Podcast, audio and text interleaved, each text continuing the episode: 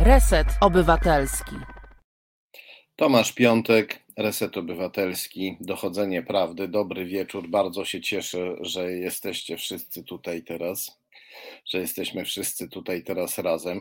Bardzo serdecznie pozdrawiam Katarzynę Samocką, która jest producentem wykonawczym tego programu, czyli takim obywatelskim sponsorem, bo innych nie mamy. Nie mamy sponsorów komercyjnych ani tym bardziej państwowych. Mamy tylko Was naszych sponsorów obywatelskich. Gorąco dziękuję wszystkim, którzy nas wspierają. Można nas wspierać poprzez wpłatę na konto Fundacji Arbitror, można nas wspierać na portalu zrzutka.pl, można nas e, wspierać e, również w serwisie Patronite. E, no i bardzo gorąco dziękuję wszystkim, którzy wspierają Ukrainę i Ukraińców, bo to jest w tej chwili najważniejsze. Gorąco dziękuję też wszystkim, którzy lajkują te transmisję lub e, udostępniają ją w mediach społecznościowych. To też jest bardzo ważne, takie wsparcie E, internetowe. Dzieje się, e, dzieje się bardzo dużo. Jesteśmy w innym świecie niż dwa miesiące temu. Jesteśmy w innym świecie niż ten świat, w którym żyliśmy, gdy ostatni raz spotkaliśmy się z Agnieszką Bryc, ekspertką od e, spraw stosunków międzynarodowych, polityki międzynarodowej z Uniwersytetu Mikołaja Kopernika. Jest już z nami Agnieszka i chyba się już z nami łączy. Tak, jestem. Dzień dobry, dobry wieczór. Dziękuję za zaproszenie. Dobry wieczór. E, słyszałaś, e, co powiedziałem, że świat jest inny zupełnie. I chciałem Cię e, spytać o to, co w tym nowym, innym, wojennym świecie może się teraz wydarzyć. Wczoraj rozmawiałem z ekspertami i pytałem, co zrobią Amerykanie, co będą teraz robić Amerykanie. Nikt nie chciał odpowiedzieć na to pytanie. Wszyscy się natomiast zgodzili, że e, Chiny będą w tej sytuacji próbowały stać się e, mentorem, rozgrywającym, arbitrem, takim, będą chciały pokazać światu, że Zachód nie jest w stanie już rozwiązywać konfliktów, że tylko Chiny mogą być e, sędzią dla świata, sędzią, który mówi, co jest dobre, a co złe, kto ma ustąpić, kto jak ma ustąpić. Ja do końca nie jestem przekonana, przepraszam, że tak sceptycznie od samego początku, ale jeśli rozmawiałeś ze specjalistami do spraw Chin, to moje zdanie jest tutaj absolutnie tylko i wyłącznie uzupełniające. Mm, ale e, jeżeli my obserwujemy politykę chińską, a robimy to przynajmniej ja robię przez perspektywę rosyjską, no to dla mnie e, e, ważne jest, ważna jest pewna zasada, której trzymają się od, nie chcę powiedzieć od zawsze, ale przynajmniej w tej współczesności Chiny, które to też widać po tym dzisiejszym zachowaniu, aktualnym zachowaniu i stanowisku Chin w stosunku do wojny w Ukrainie. E, Chiny wysyłają sprzeczne sygnały, e, co jest takim typowym zachowaniem dla Chin, bo my to oczywiście znamy z polityki chińskiej w Afryce, znamy z polityki chińskiej w różnych przestrzeniach, czyli E, Chiny nie chcą ponosić odpowiedzialności, więc ja tutaj nie jestem przekonana, czy Chiny będą chciały brać udział, e, znaczy pełnić rolę mediatora w, konflikcie, być tym, który będzie ten konflikt rozstrzygał. E, w mojej ocenie Chiny będą się przyglądać E, i ewentualnie z tego wyciągać po pierwsze wnioski dla siebie, swoje własne, prawda, dla mm, interesów, które są bliższe Chinom aniżeli nam i będą wyciągać z tego, czy jakby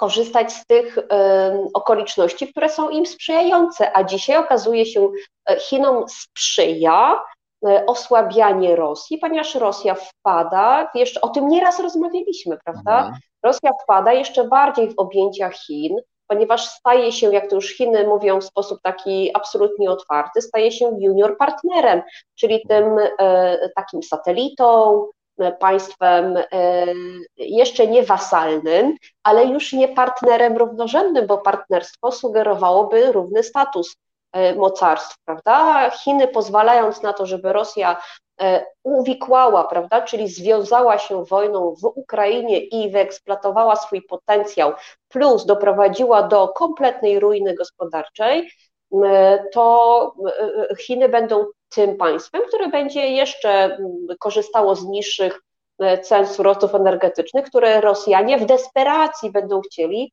sprzedawać w kierunku azjatyckim. Więc Chiny na tym zyskują, ale ja nie jestem przekonana, czy Chiny będą chciały być mediatorem. E, Chiny, e, nie, ja nie widzę Pekinu jako tego mocarstwa, które będzie chciało rozstrzygać ten konflikt, będzie, prawda, mediować. Oni mogą, i to tak dzisiaj sugerują, prawda, retorycznie nie wycofują swojego poparcia dla Rosji, bo to ciągle jest postrzeganie Stanów Zjednoczonych w kategorii tego, e, prawda, amerykanocentrycznego świata, któremu się Chiny i Rosja od lat sprzeciwiały, ale z drugiej strony Chiny zauważyły, że Stany Zjednoczone odzyskały wigor, prawda, czyli te, mm. Takie, poczucie hegemonii, e, poczucie sprawczości, a jednocześnie Chiny zrozumiały, i to też e, jakby płynie do nas, od naszych kolegów z Pekinu albo od tych, którzy się zajmują polityką chińską, że Chiny zauważyły także to, że, że Unia Europejska nie jest takim, prawda, nie jest tą galaretą, jak to niektórzy mówią, która, e, e, prawda, trzęsie się przed, e, przed każdym kryzysem w zasadzie y, przede wszystkim kieruje się swoim własnym biznesowym interesem. Tu my udowodniliśmy, że potrafimy podejmować wspólne decyzje, czyli przestaliśmy być tym państwem, znaczy tą przestrzenią złożoną z kilkudziesięciu państw, stanęliśmy się jednym takim, prawda, tym jednym, e, nie chcę powiedzieć filarem, ale jednym centrum, czyli jednym takim blokiem na który coraz wbrew pozorom uważniej patrzy Pekin, więc Chiny wyciągają dwa wnioski, że Zachód nie jest tak słaby, jakby się wydawało. Unia Europejska potrafi zaskoczyć chyba wszystkich łącznie z, ze sobą, że potrafi działać e, pomimo cały czas różnych kłopotów i takich niedoróbek, niedociągnięć e, i tych rys wewnętrznych, ale my się potrafiliśmy zgrać. E, I to nie jest tak, że, że świat zachodni się skończył. E, bo jeżeli ja dzisiaj obserwuję, co mówi minister Ławrow, no to, to także słychać w Pekinie, a te głosy są takie, że Ławrow dzisiaj zarzuca Stanom Zjednoczonym, on zupełnie jakby odwrócił retorykę, mówi, kiedyś mówił, przeżyjemy, mówi to przed wojną, przeżyjemy mm, w świecie bez Amerykanów, poradzimy sobie, już świat amerykanocentryczny się skończył. I te trzy tygodnie później Ławrow mówi, podobnie jak jego koledzy w Pekinie wyciągają wnioski, mówi tak, Stany Zjednoczone chcą stworzyć jednobiegunowy porządek międzynarodowy, prawda? To jest hańba, to jest coś nie, nie, w ogóle nie do, nie do przyjęcia i my musimy walczyć z hegemonią amerykańską, bo to, co chcą zrobić Amerykanie, to nie stworzyć globalną wioskę, tą, tylko taką amerykańską wioskę. Więc no tak. Czyli, mhm. E, czyli e, ten e, Rosjanie właśnie obalili jednobiegunowy amerykański porządek świata i nagle odkrywają, że go wcale nie obalili, że on nadal jest i są oburzeni. To, co mówisz o Unii Europejskiej, to jest bardzo prawdziwe. No, dzieją się rzeczy niezwykłe. Rząd niemiecki negocjuje już z dostawcami gazu z nierosyjskiego i e, zanosi się na to, że się e, cała opowieść o gazociągu Nord Stream i o tym, że Rosjanie, że Niemcy są sojusznikiem Rosjan, cała ta opowieść może stracić jakiekolwiek wątłe nawet związki z, z rzeczywistością. Tutaj padło bardzo dobre pytanie naszej komentatorki Bożeny Breczko. Czy e, połknięcie Rosji przez Chiny wzmocni Chiny i zrobi z Chin supermocarstwo mogące Amerykę pokonać, czy raczej Chiny będą bardzo zajęte konsumowaniem Rosji i nie będą miały już e, czasu i środków na walkę z Amerykanami o resztę świata? Och, ale ja nie wiem, co znaczy połknięcie Rosji, powiem szczerze, więc ja bym poprosiła, jeżeli pani Bożena mogłaby to trochę doprecyzować. Ja, ale pani Bożena się odniosła do tego, co powiedziałeś, że e, Rosja staje się partner. Mhm. junior partnerem, zależy od chińskich pieniędzy, od chińskich rynków, nie ma, in, nie ma innych rynków i innych źródeł pieniędzy i Putin, e, mm, Putin e, jest, musi słuchać Chińczyków. To jest taka sytuacja trochę no, jak z podstarzałym gangsterem, który już nie ma takiej siły jak kiedyś i może jedynie zostać ochroniarzem jakiegoś sponsora jeżeli popatrzymy na to, co zostaje Rosji, no to tak to wygląda. Rosjanie w taki desperacki sposób szukają rynków zbytu nowych, czyli tych, które mogłyby uzupełnić te braki, które prawda, y, y, powstały w wyniku sankcji, ale Chiny mm, w sposób taki, nie chcę powiedzieć przekorny, ale y, taki typowy dla siebie, wcale nie, nie śpieszą z pomocą Rosji. Znaczy one wiedzą, że Rosja jeszcze trochę ją, trochę trzeba podtrzymać i ona musi upaść jeszcze niżej, więc wtedy będzie jeszcze większej desperacji, żeby sprzedawać gaz e, po jeszcze niższej cenie e, na rynki chińskie. Pamiętajmy, że Chiny mają większość swego gazu i ropy jednak sprowadzają z Bliskiego Wschodu. Rosja wprawdzie jest blisko, ale to nie jest najbardziej atrakcyjny partner, prawda? Więc Chiny mają tutaj duże możliwości. Więc ja bym powiedziała tak, że Rosjanie mają tego świadomość, dlatego dzisiaj próbują, oni pewnie będą próbowali, e, ale na razie im się to nie udaje, jak najszybciej e, osiągnąć swoje cele i roz, e, zakończyć etap militarny, czyli powiedzieć, prawda? Teraz kochamy pokój i porozmawiajmy o, o jakby nowych gwarancjach bezpieczeństwa dla Ukrainy. Wydaje się, że stąd taka desperacja w tym, żeby przełamać, a w zasadzie zrównać z ziemią Mariupol e, i zająć południowe wybrzeże Ukrainy, żeby stworzyć prawda, ten pas lądowy, o którym także mówiliśmy. Ale to będzie ten moment, w którym Rosjanie zaczną rozmawiać, ale jednocześnie Rosjanie, oni bardzo intensywnie kalkulują swoje straty wojenne. I te straty wojenne powodują, że próbuje prezydent Putin po pierwsze e, utrzymywać w porządku oligarchów, to się mu na razie udaje, bo e, jak na przykład Oczywiście są oligarchowie, którzy mówią nie, prawda, wojna jest wielkim złem, ale my nie bądźmy też tak bardzo naiwni, nie uważajmy, że zaraz oligarchowie się zbuntują przeciwko Putinowi, bo to jest takie nasze myślenie życzeniowe. My chcielibyśmy, żeby był ten jeden sprawiedliwy, który na przykład sfinansowałby ze swoich miliardów jakąś opozycję, skuteczną opozycję w Rosji albo skuteczny pucz w Rosji. To znaczy, nie to, żebyśmy chcieli, ale jakby, jakby cały Zachód wyobraża sobie taki scenariusz, że będzie jeden sprawiedliwy oligarcha i będzie jakiś sprawiedliwy, prawda, wojskowy, siły się połączą, pieniądze się znajdą i dojdzie do jakiegoś przełamania, przesilenia politycznego w Rosji. Ale nie jest tak prosto, ponieważ oligarchowie mają, oni dokładnie wiedzą, e, jaką mają alternatywę.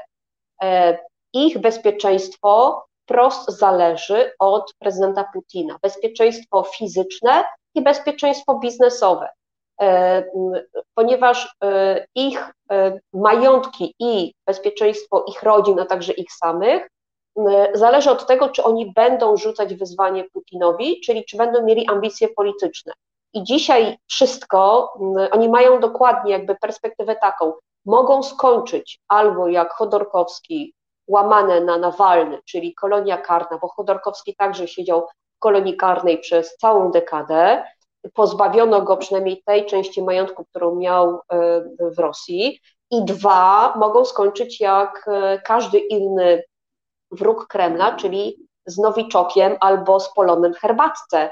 E, więc oni mają, oni mają pełną świadomość tego, jak, jak usuwa się tych, którzy buntują się przeciwko Kremlowi.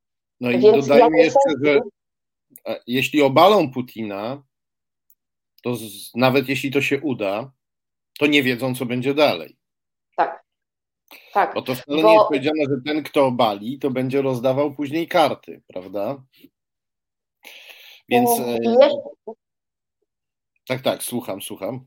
Przepraszam, ja tak w zapędzie się wtrąciłam. Nie, nie, ale na pewno coś chciałaś powiedzieć, więc tutaj.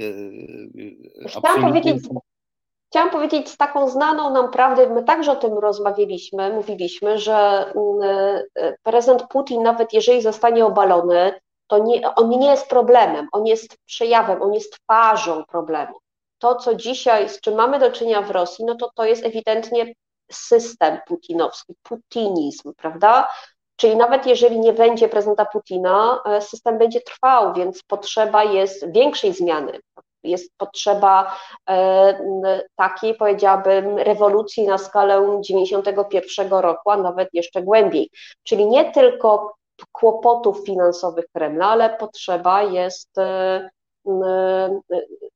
dużej weryfikacji, tej, takiego resetu w Rosji. E, a ja nie za specjalnie widzę dzisiaj z tym, jakby z tym potencjałem, który jest, z taką konsolidacją poparcia dla Putina, no nie widzę takich specjalnie możliwości, żeby jutro wydarzyła się jakaś duża rewolucja, ale ja się mogę mylić, ponieważ rewolucje mają to do siebie, że we wtorek przywódca, dyktator ma 86% poparcia, a w środę y, ma to 86% na ulicach.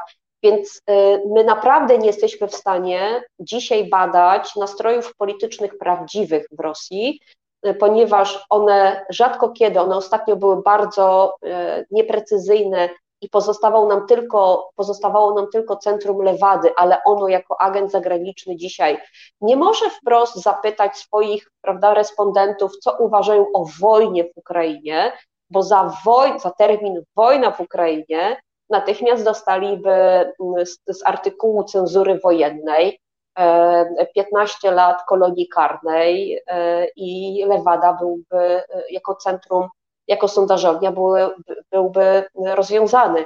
Więc to nie jest łatwo, ale tak jak powiedziałam, a poza tym mamy czas wojenny, a w czasie konfliktów zbrojnych nigdy sondaże nie są wiarygodne, więc my naprawdę trochę badamy to, co się dzieje w Rosji, tak przez mgłę, prawda, trochę na oślep, patrząc na jakieś takie pomniejsze, bardziej jakby dla nas sprawdzone, zweryfikowane źródła informacji.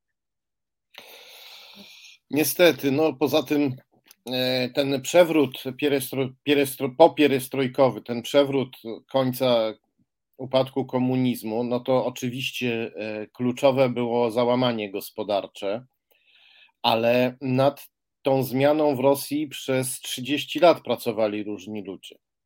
Ponieważ no, były e, pokolenie tak zwanych lat 60., niezadowolone z tego, że odwilż po śmierci Stalina, Chruszczowowska była krótka i płytka, no o, o, ci ludzie po cichu coś tam robili. I kiedy pierestrojka, kiedy Gorbaczow ogłosił pierestrojkę, to nagle się okazało, że Gorbaczow w tym potwornym Związku e, Sowieckim jednak ma parę milionów zwolenników gotowych e, działać.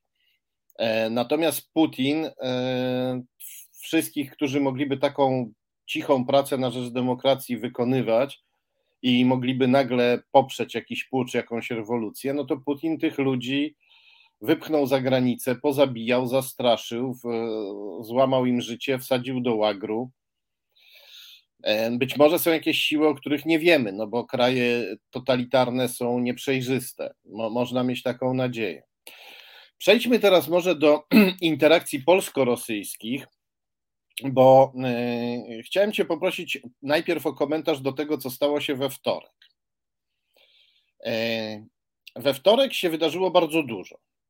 E, najpierw prezydent Zełęński zaskoczył może nie cały świat, ale zaskoczył wielu obserwatorów, e, mówiąc, że Ukraina rozumie, że nie może się starać o e, wejście do NATO i że są potrzebne jakieś inne rozwiązania. Widzieliśmy, że na Kremlu, tak jak powiedzieliśmy wcześniej, w Rosji sił antyputinowskich, prodemokratycznych nie ma, ale jest na Kremlu frakcja przestraszonych, można tak powiedzieć, która chciałaby tę wojnę jakoś zakończyć. E, oni są przy Putinie i potrzeb, tam być może nawet Pieskow też jest w tej frakcji, bo wykonywał jakieś dziwne ruchy. Oni tam mówią, już zwyciężyliśmy, już odnieśliśmy wielkie zwycięstwo wodzu, a teraz wycofajmy się na z góry upatrzone pozycje, bo koszty się robią za duże. I Zełęński prawdopodobnie wysłał też tym ludziom sygnał, macie argument. Skoro główną przyczyną wojny jest to, że Rosja boi się NATO, nas u swojej południowej granicy, no to ten powód wojny znika. I ja to tak czytam. I w tym samym momencie Jarosław Kaczyński z kilkoma kolegami ogłasza, że jedzie do Kijowa, co było sam wyjazd oceniam bardzo pozytywnie jako pomysł. No ale jest to Jarosław Kaczyński i już kiedy wyjeżdżał, to w wielu obserwatorach kiełkowało podejrzenie, że z tej szczytnej idei Jarosław Kaczyński zrobi coś strasznego. Jarosław Kaczyński przyjeżdża do Kijowa i co ogłasza?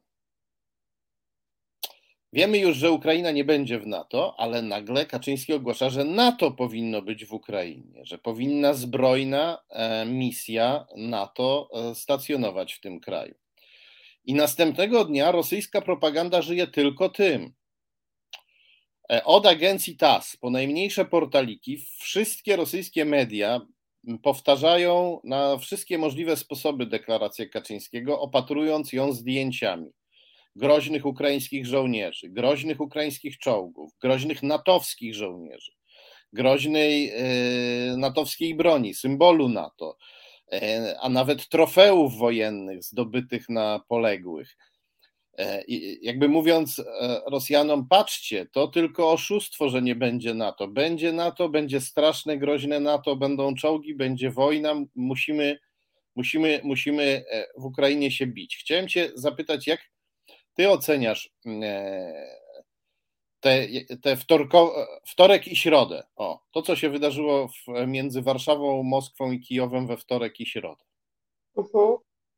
E, to ja e, sam pomysł wyjazdu oceniam w kategoriach jakby dobrej idei pod kątem takiego wsparcia symbolicznego i psychologicznego dla Zełońskiego bo, y, bo to jest tak, że on do tej pory był albo sam odwiedzał stolice europejskie, ale y, chyba nie było chętnych, którzy przyjechaliby tam wprost do Kijowa i powiedzieli: Jesteśmy z Tobą.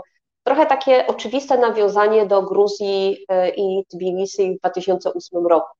I jako gest symboliczny, jako gest wsparcia w sytuacji naprawdę gorącej wojny, to jest coś, co prawda dobrze później jakby pamięta się pod względem takim symbolicznym, mm, e, e, jako e, Polaków, którzy nie tylko Polaków, ale prawda, jakby ta część, pewna część Europy Środkowej okazała bardzo praktyczne wsparcie, to znaczy pojechali, nie bali się, zademonstrowali poparcie. I ja się pod tym podpisuję, mi się to podoba, bo chciałabym, znaczy ja na pewno bym doceniła w odwro- jakby w drugą stronę. Jeżeli my byśmy byli w takiej sytuacji, to ważne byłoby dla mnie to, kto e, nie bał się przyjechał, nawet e, z nie do końca przemyślanymi propozycjami, ale jednak był. I to nawet jest to. Był, powiedzmy, Boris Johnson przyjechał do oblężonej Warszawy. Tak, nawet jeśli, ale to na razie widzę migrowanie polityków zachodnioeuropejskich na granicę z Ukrainą. Każdy się fotografuje z jakimś kontyngentem e, humanitarnym. E, I to już mi się mniej podoba, bo widzę, że to jest absolutnie e, tylko wyłącznie PR. Nasza wizyta w Kijowie też była w znacznym stopniu PR-owa, bo ona jest rozgrywana także na cele polityczne krajowe, więc ja także mam świadomość, że to nie chodzi tylko wyłącznie o wsparcie dla Zełęńskiego, ale także to jest to, prawda, czyste złoto polityczne, które później można e, dobrze rozegrać e, w, jakby w, tym, w tej narracji, w komunikacji z własnym społeczeństwem. To jest raz, ale sama idea była w porządku. Natomiast e, już potem było gorzej, kiedy przysłuchiwałam się samej propozycji, co to miałoby być. Oczy mi, nie chcę powiedzieć, że rosły, duże, ale brwi podnosiłam, kiedy prawda, padły propozycje e, misji humanitarnej, pokojowej, jeszcze NATO, więc ja mówię, Boże, może ja mhm. czegoś nie wiem, prawda? Czy NATO prowadzi, znaczy wiem, że nie prowadzi, ale może jest coś, co się zmieniło tak, w, w ciągu nocy. Trochę sobie żartuję, ale to pokazuje, że, i to jest moja interpretacja, to jest w zasadzie moja intuicja, że, e, że to nie była, znaczy pomysł był, natomiast szczegółów nie było. Znaczy, panowie pojechali, chcąc okazać wsparcie, natomiast nie do końca mieli przemyślane, co chcą zrobić, oprócz okazania wsparcia.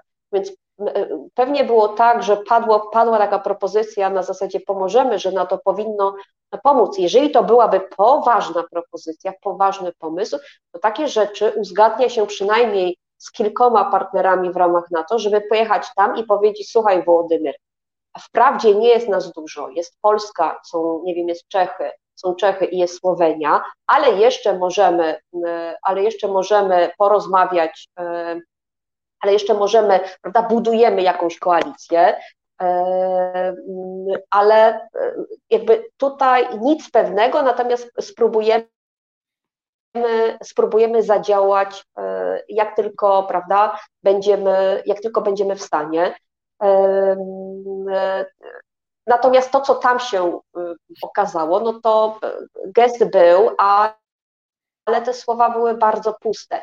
I ja z kolei nie chciałabym, jeżeli byłabym w podobnej sytuacji, być, yy, mieć gości, którzy okazują wsparcie, ale w zasadzie przyjeżdżają, yy, nie chcę powiedzieć z niczym, ale przyjeżdżają z pomysłem nie do końca prze, przemyślanym, czy, czy, czy nie do końca, z, z, powiedziałabym, sprawdzonym i obgadanym z partnerami natowskimi w, w, w ramach NATO. To jest jedna sprawa. Druga sprawa, E, jeżeli Ławrow, znaczy trzeba było się spodziewać, że każdy, każdą taką deklarację e, podchwyci natychmiast Kreml i natychmiast przerobi na swoją e, propagandę, na swoje hasła takie, które mają uzasadniać, że tym wrogim y, prawda, sojuszem jest NATO, my musimy się bronić. Jeżeli ktoś mówi, że NATO jest e, defensywne, to kłamie, ponieważ zobaczcie, jakby nie było, trójka Europejczyków przyjechała do Kijowa i w zasadzie proponują, żeby NATO wjechało do, na Ukrainę. Tak? Czy to został trochę taki, ja mam wrażenie, że to jest kwestia braku przemyślenia i nie do końca takiej świadomości tego, jak sprawna jest E, Agnieszko, ale to ja powiem jako obserwator polityki wewnętrznej polskiej. Mhm. Kaczyński wygrał sześć wyborów pod rząd. Mimo, że w punkcie wyjścia w 2013 roku wszyscy uważali, że on jest już absolutnie skończonym, wyśmiewany stary kawaler mieszkający z matką bez e, konta e, bankowego. Ja myślę, że Kaczyński doskonale wie, co robi. Może się oczywiście tam emocje czasem biorą w nim górę, ale e, nie sądzę, żeby Kaczyński e, się martwił tym, że zaszkodził Ukrainie. To nie jest to, nie jest to o co mu chodzi. On walczy o po pierwsze o pozycję w Polsce, tak jak powiedziałaś. Po tym, jak gościł w Polsce panią Marine Le Pen, która ogłosiła, że, że Ukraina należy do Rosji, Kaczyński potrzebował teraz przykryć piętno małego Putinka, dlatego tam pojechał, ale Kaczyński też toczy wojnę z Zachodem, chce pokazać świat, e, chce pokazać światu, że, e, że Zachód jest e, słaby, tchórzliwy, nie, nieefektywny, a to, że przy okazji pokazał Rosjanom, że to słabe, tchórzliwe NATO równocześnie jest agresywne i straszne, to ja nie wiem, czy to jest dla niego dodatkowy, to, czy to jest dla niego dodatkowy problem. On, on z, z, z, cały ten wyjazd okazał się w końcu przekazem, który służy jemu, e, jego partii w Polsce. E, e, równocześnie szkodzi Zachodowi, co też go cieszy, a to, że pomaga Rosji, no cóż, wróg mojego wroga jest moim sojusznikiem. Głównym wrogiem Kaczyńskiego jest, jest e, Zachód. O tym będziemy mówić jeszcze dzisiaj w dalszej części tego programu będziemy mówić o osi Putin-Kaczyński, którą e, przedstawił dzisiaj e, Newsweek w artykule, w artykule okładkowym. E, to jest, to, jest, to jest wielki temat, i tutaj jeszcze dodatkowo, właśnie w, tym, w tych podejrzeniach, właściwie one już graniczą z pewnością w tym momencie, no, utwierdza mnie to, co się e, stało zaraz potem, bo Ławrow jeszcze dodatkowo wykorzystał to, co powiedział Kaczyński. Kaczyński tutaj naprawdę pięknie podał piłkę Rosjanom, bo Ławrow nagle stwierdził, że w tej misji pokojowej NATO chodzi o to, żeby ci żołnierze tej misji to byli Polacy, którzy wezmą pod kontrolę zachodnią Ukrainę. E, I e, Ławrow to zrobił, żeby e, wzbudzić strach w Ukraińcach, wzbudzić nastroje w Polsce rewanżystyczne, tam hajże Lwów nam się należy i tak dalej, i po to, żeby nas skłócić z Ukraińcami. I chyba przestrzelił, chyba aż za skuteczna była ta, ta aluzja, ta, ta sugestia, bo w Polsce bardzo wiele osób e, uznało to za dowód, że Kaczyński po prostu spiskuje z Rosjanami.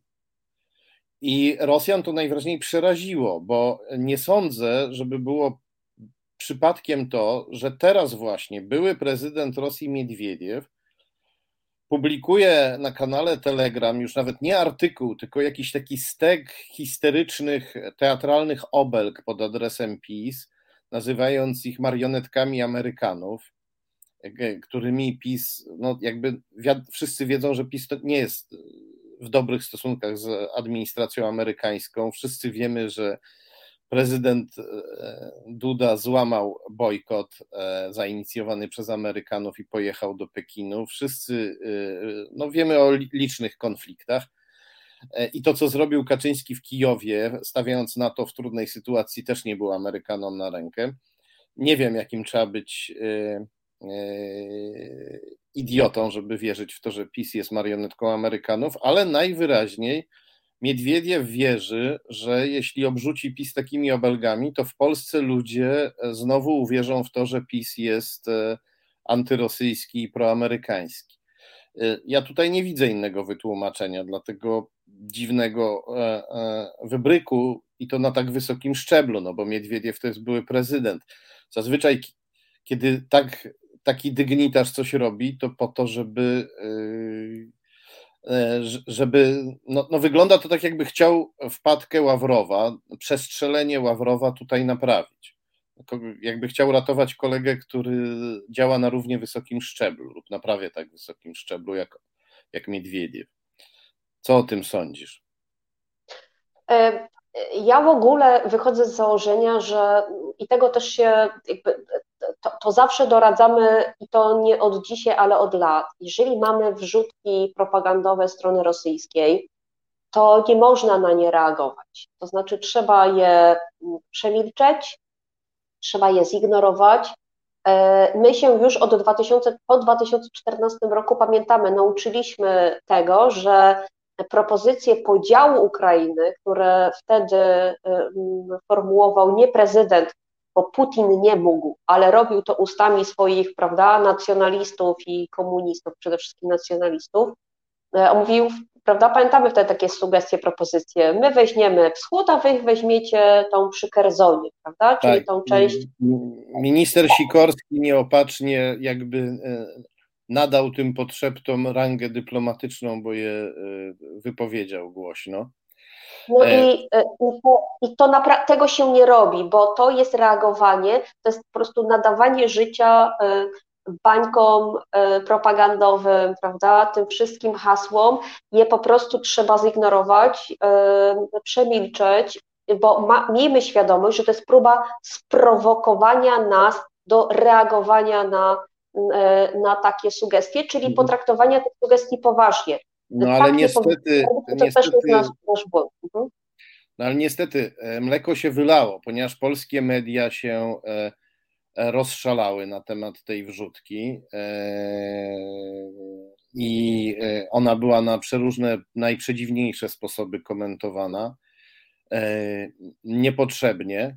E, ale najwyraźniej też odniosła nie ten, e, nie ten skutek, o który Rosjanom do końca chodziło, skoro e, Miedwiediew teraz nagle przybiegł Ławrowowi, Ławrowowi z pomocą. Ja tutaj, ja tu nie wiem, z czego, czy się bardziej martwić, czy cieszyć. No cieszy mnie trochę, że Rosjanie przestrzelili, ale z drugiej strony martwi mnie to, że przez Dwa dni polskie media e, i media społecznościowe, Twitter, dziennikarzy e, jakby komentował na wszystkie możliwe, na wszystkie możliwe sposoby te, te wrzutkę, tę wrzutkę e, Ławrowa. Przyznam się, ja też ją skomentowałem na, na Twitterze, bo chciałem po prostu pokazać, w jaki sposób Kaczyński pięknie podał piłkę Rosjanom, jakim, jaką dał im okazję. Potem już, kiedy to zrobiłem, zorientowałem się, że jestem w środku jakiegoś sporu, w którym chodzi o zupełnie inne tematy niż o te, które mi chodziło. Tak, ale ja tylko dodam, że takich rzeczy będzie więcej. Teraz Rosjanie będą naprawdę grzać tematy, będą, y, będą omawiać to z każdej strony, jak to Polacy próbują, y, próbują E, no nie wiem, e, w zasadzie to nie jesteśmy inni od Rosjan i też bardzo byśmy chcieli pewnie uszczknąć sobie kawałek Ukrainy. Mhm. To będzie, to będzie jakby warto poprzyglądać się, może inaczej, tak, ja robię dla celów zawodowych, a Państwo, jeżeli macie zbyt dużo czasu i chcecie zobaczyć, jak działa propaganda, to warto poprzyglądać się kanałom rosyjskim.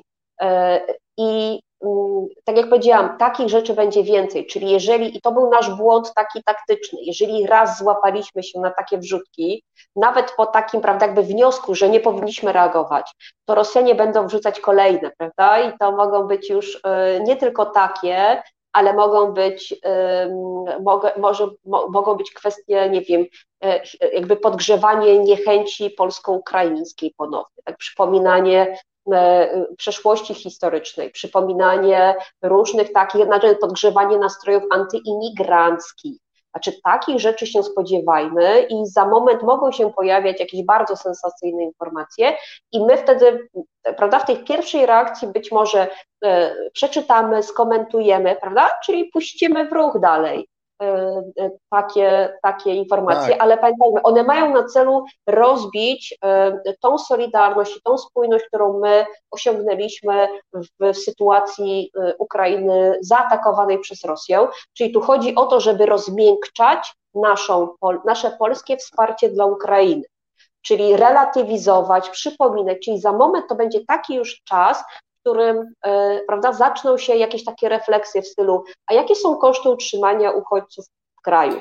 I będzie za moment, to już jest, ale to o to chodzi, że tego będzie bardzo dużo i za moment, prawda, będzie taki drugi oddech po miesiącu e, inwazji, że zaczną się pojawiać jakieś kolejne, prawda, takie wrzutki, które będą osłabiać nasz zapał po, po, po, pomocowy, nasze wsparcie polityczne, zaczną się sugestie, że Zachód i tak nas zdradzi, bo zdradzał zawsze. Czy to są te wszystkie kalki, te wszystkie klisze, które my znamy i są y, prawda, typowe dla Kremla, ale je zawsze można odgrzać w nowych okolicznościach, więc y, to była pierwsza rzutka, czekamy na kolejne. Właśnie, i to jest, to jest apel, bo e, tu e, bardzo łatwo można dać się złapać, bo na przykład ktoś chce zaprotestować przeciwko takiej wrzutce, napisać to jest wrzutka, e, to jest nieprawda, napiętnować taką wrzutkę, ale wtedy się też zwiększa jej widoczność. Tak działają media społecznościowe. Lepiej po prostu blokować wszystkich, tak. którzy takie wrzutki wrzucają, bo kiedy blokujemy też takiego człowieka, czy na Facebooku, czy na Twitterze, to my nie tylko blokujemy go dla siebie, również w naszej bańce widoczność tego człowieka odrobinę się zmniejsza za każdym razem, kiedy ktoś z naszej bańki e, takiego e, trolla czy dezinformatora e, e zablokuje. Na pewno będzie cała masa informacji, nie tylko w mediach społecznościowych, różne mamy dziwne portale, które będą pisać, że Ukrainiec zgwałcił, że zadźgał, że Ukraińcy kradną, że zabierają pracę, że wyrzucono staruszków na bruk, aby oddać dom Ukraińcom i tak E, ja chodzę na mm, bazar w Warszawie na hali Mirowskiej i tam kupuję e, różne e, rzeczy i tam słyszę czasem, jak właśnie sprzedawczyni woła do drugiej, że coś wyczytała w internecie, że, kogo, że jakiś tam ludzi wyrzucili z domu, żeby dać miejsce dla Ukraińców. Tego na pewno będzie coraz więcej. Nie wolno się na to złapać. I oczywiście nie muszę Wam chyba tego mówić, zwracam się teraz do, do słuchaczy, że, ale powiem, nie liczmy w tym względzie na PiS. W tej chwili PiS biega i opowiada o tym, jak to kocha Ukraińców, choć niewiele dla nich robi, ale jeszcze niedawno PiS Ukraińców e, atakował i Ukrainę e, w sposób bardzo drastyczny. Tu odsyłam, zainteresowanych odsyłam na przykład, żeby sobie sprawdzili, co minister Dworczyk powiedział w 2016 roku. Zresztą pisaliśmy o tym w resecie obywatelskim, jest artykuł na ten temat. A Dworczyk nie był oczywiście jedyny. Były antyukraińskie prowokacje ministra Waszczykowskiego, było tego, było tego dużo. I jeżeli e, e, z sondażu, z sondaży wyniknie, że e, Ukraińcy tracą sympatię Polaków, to bardzo możliwe, że PiS nagle wstanie i powie: Słuchajcie, patrzcie, jak myśmy ofiarnie przyjęli tych Ukraińców. Serce na dłoni. A czy te rezuny przeprosiły nas za rzeź wołyńską? No, zaczną się takie rzeczy, obawiam się. I y, absolutnie nawołuję, żeby każdy w swojej skali, w swojej bańce dusił takie rzeczy w zarodku, nie komentując, nie sprzeciwiając się, tylko e, blokując i ewentualnie udostępniając e, inne materiały, które mogłyby e, zagłuszyć tamte materiały oparte na faktach i mówiące o sprawach istotnych. Już za chwilę będziemy kończyć, ale chciałem Cię spytać, czy jest jeszcze coś, co uważasz, że koniecznie trzeba w tym momencie powiedzieć, a co dotyczy wojny lub stosunków międzynarodowych? Znaczy, powinniśmy, znaczy wiele, znaczy śledząc na bieżąco, ja już trochę tracę dystans e, do tego, co jest ważne albo co jest ważniejsze, ale warto śledzić źródła wiarygodne, to, to, to jest raz. E, dwa, nie, znaczy zanim e, e, jakby wytworzymy jakiś wniosek, znaczy dojdziemy jakiegoś wniosku, warto naprawdę złapać oddech i jakby myśleć trochę bardziej na chłodno, bo pewne wnioski, znaczy pewne pobudzenie emocjonalne, ono oczywiście jest ważne w konsolidacji i pomocy Ukrainie, ale także jest wykorzystywane przez drugą stronę, więc y, rozsądnie się zachowujmy, zwłaszcza w sieci, bo pamiętajmy, ta wojna ma swój front e, w cyberprzestrzeni i tam prawda, nie widać konkretnych działań, ale one są bardzo, e, bardzo skuteczne. E, zwracajmy także uwagę na, zwracajmy także uwagę na tych wielkich graczy, a w zasadzie mm, na Chiny, a także warto się przyglądać temu, co, co, co robi Turcja, e, Chiny zwłaszcza. E, ja bym jeszcze, ja bym jeszcze jedną rzecz powiedziała taką, która, która może być istotna, ale z perspektywy takiej, że my jako Zachód i my jako czytelnicy, obserwatorzy w Polsce E, musimy mieć świadomość, e, przepraszam, musimy mieć świadomość tego, że mm, e, jeżeli mówimy o dialogu z Rosją, czy w ogóle dialogu jako rozmowach pokojowych, to pamiętajmy, że dialog jako taki powinniśmy z Rosją prowadzić, ale po jej porażce, polity- porażce militarnej i porażce gospodarczej. Jeżeli jako Zachód e, będziemy, nawiążemy dialog z Rosją pod hasłem zawsze trzeba na rzecz pokoju rozmawiać, to będzie e, nagroda dla e, Kremla, ponieważ wniosek Kreml będzie miał taki, rozpętaliśmy wojnę, ale oni ciągle z nami rozmawiają, prawda? To o tym trzeba pamiętać, że jeżeli mamy rozmawiać, to nasze, nasz dialog musi być obwarowany bardzo konkretnymi żądaniami.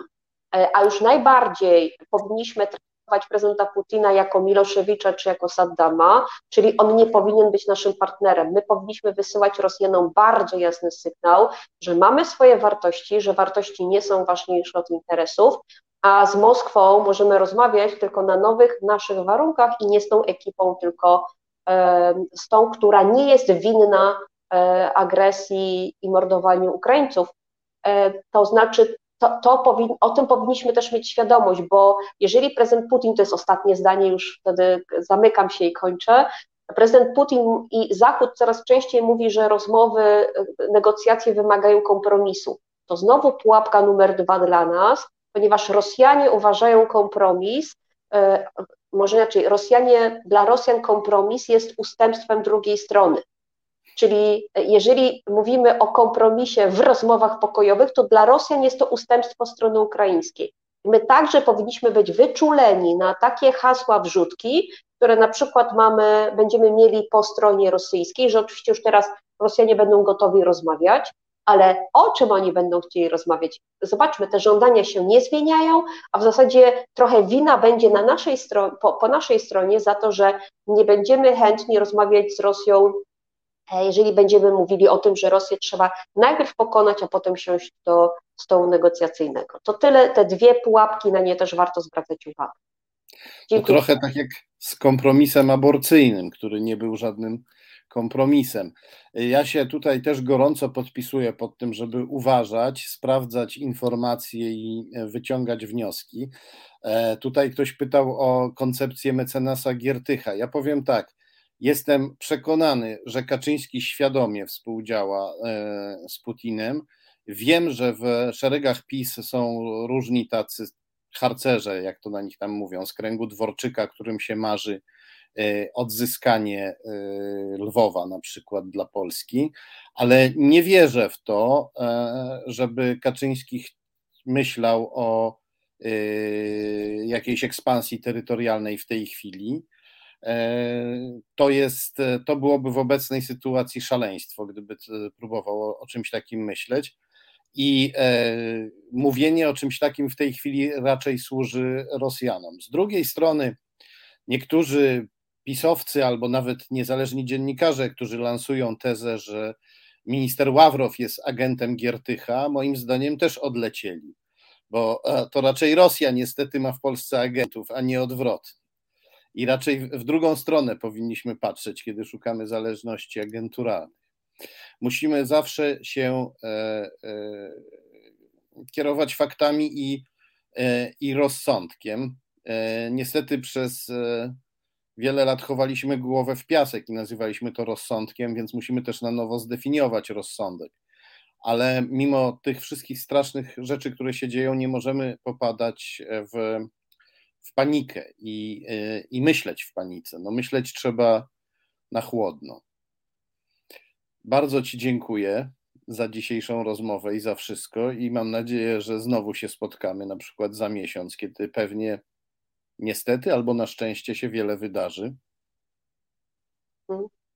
Bardzo dziękuję, polecam się na przyszłość i nie popełniajmy, tak jak powiedziałam, tych naszych często skrótów myślowych i błędów, a y, przetrwamy konflikt na zasadzie takiej, że nie damy się w jakiś sposób wciągnąć w bardzo przeróżne pułapki, które na nas czekają. Dziękuję bardzo i do, do zobaczenia.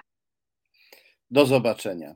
A my za chwilę już porozmawiamy o osi Putin-Kaczyński, a potem o pewnym bardzo niezwykłym, małym pomocniku Grzegorza Brauna. Mówię małym, bo przez skojarzenie z tak zwanymi małymi pomocnikami świętego Mikołaja. Jest, e, opowiada się baśnie o tym, że święty Mikołaj siedzi w Laponii ma tam małych pomocników, takie elfy, które mu pomagają.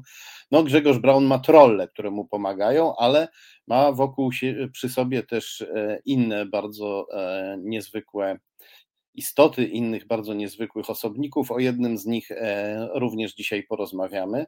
Najpierw jednak o osi Putin-Kaczyński, a wcześniej jeszcze przez chwilę, krótką chwilę posłuchamy muzyki. Proszę o przerwę muzyczną naszą dzielną realizatorkę Asiator, która znowu walczyła z trudnościami technicznymi i znowu je pokonała. Reset Obywatelski działa dzięki Twojemu wsparciu. Znajdź nas na zrzutka.pl. Tomasz Piątek, Dochodzenie Prawdy, Reset Obywatelski. Kochani, e, bardzo dziękuję wszystkim za lajki. Widzę, że są apele, żeby e, dawać łapki w górę. Przyłączam się do e, takiego apelu. To zwiększa widoczność transmisji. Dziękuję każdemu, kto da, kto da lajka.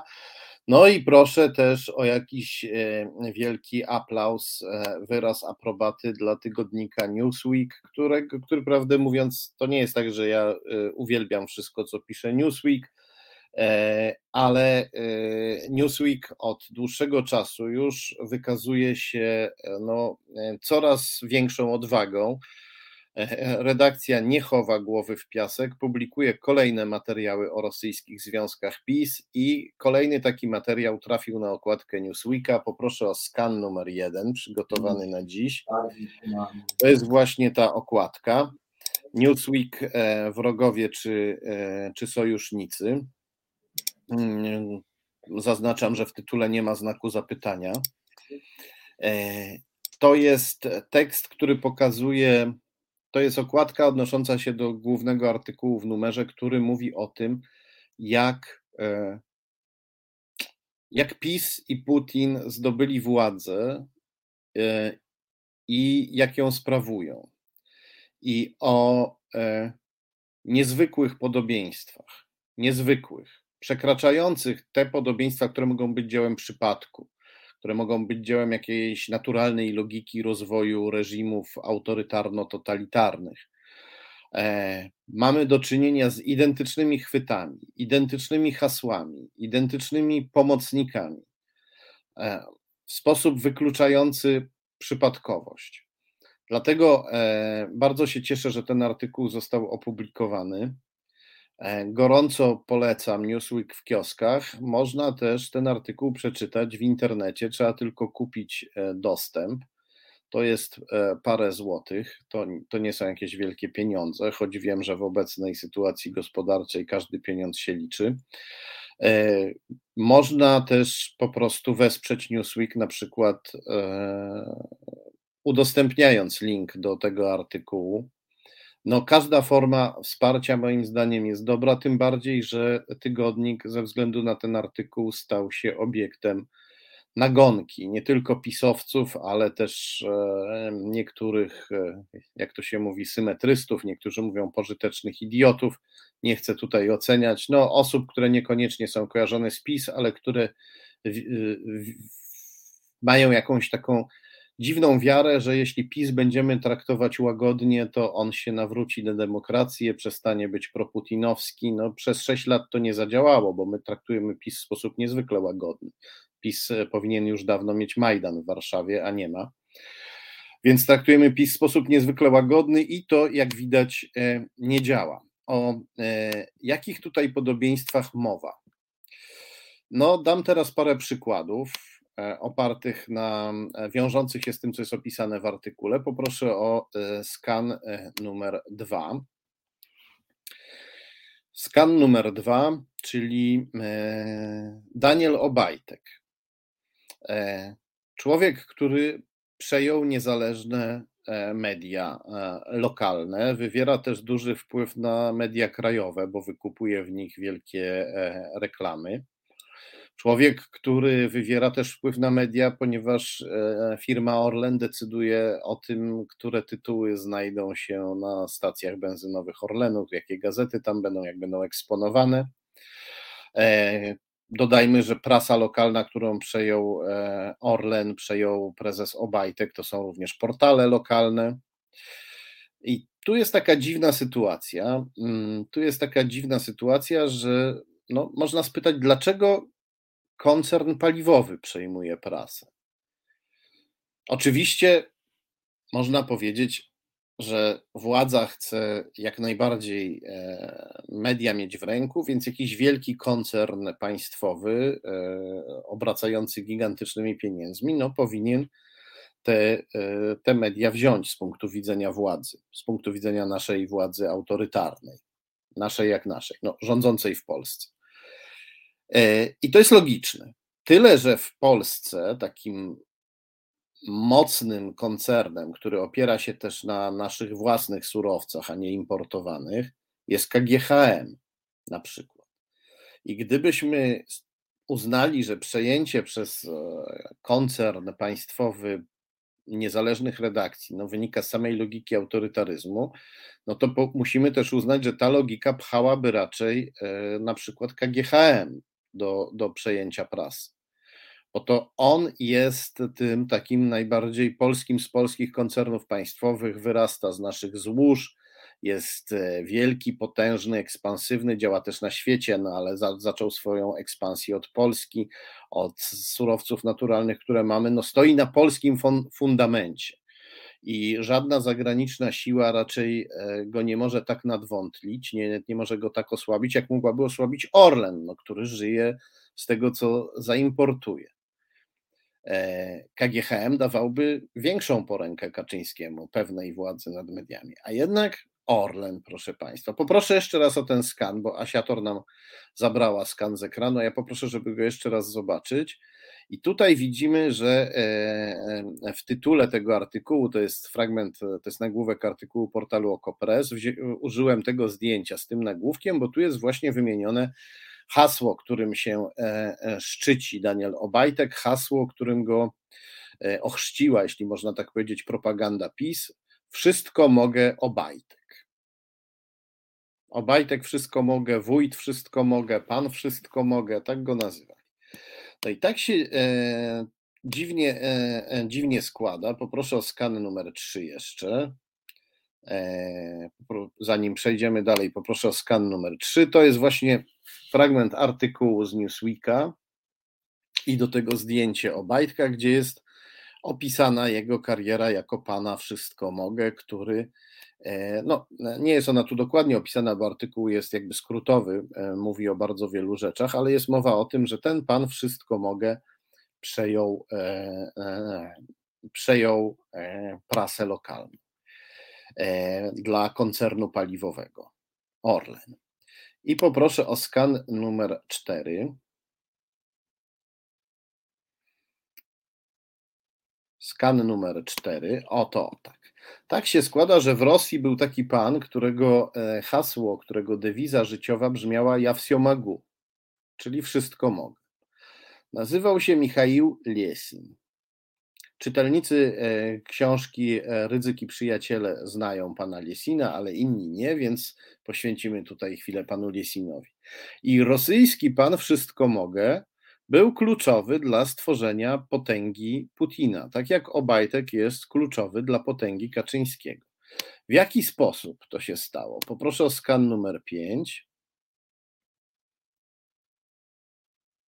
Poproszę o skan numer 5. To jest e, fragment znowu artykułu z Newsweeka, w którym jest opisana droga e, pana Liesina u boku Putina. Otóż pan e, Liesin, pan wszystko mogę, rosyjski pan wszystko mogę, przejął e, dla Putina niezależne media, a dokładnie rzecz biorąc, przejął je dla rosyjskiego koncernu paliwowego Gazprom. Więc w przypadku polskiego pana wszystko mogę, czyli Daniela Obajtka, mamy do czynienia z jakąś przedziwną kalką, kopią nie tylko e, poniekąd wbrew e, logice polski koncern paliwowy przejmuje niezależne, e, niezależne media, ale jeszcze dla tej operacji jest kluczowy człowiek, który używa tego samego hasła co Liesi. Jeśli tu mnie Państwo zapytają, jak to się dokonało, to nie wiem. Natomiast widzę zdumiewającą koincydencję, Podejrzewam, że PiS zrobił to, y, przejął, przejął media na, e, niezależne na rzecz e, Orlenu, dokładnie kopiując. Kopiując to, co zrobił Putin z Gazpromem, co zrobili Putin i Liesin z Gazpromem, a jeszcze wcześniej, być może drogą jakiegoś niezależnego toku myślenia, ktoś e, stwierdził, że tak jak Putin miał Liesina, to w Polsce trzeba wykreować pisowskiego menedżera Obajtka i też użyć hasła, które sprawdziło się w Rosji, hasła wszystko mogę. Tym kimś mógł być na przykład Adam Hoffman, bo to on w 2013 roku e, e, jako jeden z pierwszych lub może jako pierwszy nazywał Obajtka wójtem wszystko mogę. Adam Hoffman jak to udowodnił Jacek e, Harłukowicz, znakomity dziennikarz wrocławskiej wyborczej. Adam Hoffman też ma swoje powiązania biznesowe z Rosją, mówiliśmy o nich tutaj też e, w resecie obywatelskim w dochodzeniu, w dochodzeniu prawdy. No dobrze, idźmy dalej. Weźmy sobie e, następny skan, skan numer 6. To jest poseł PiS Kazimierz Smoliński, który tutaj jest reklamowany przez Radio Maryja, e, jest chwalony za to, że rozpoczął zbiórkę podpisów pod projektem sprzeciwiającym się promocji LGBT przez samorząd. E, poseł Smoliński wzywał różne gminy i miasta polskie, żeby sprzeciwiły się promocji LGBT. I to on w dużej mierze przyczynił się do tego, że powstała ta taka brzydka mapa Polski, na której widać, jak takie liszaje są zaznaczone te strefy, które nazywały się strefami wolnymi od LGBT.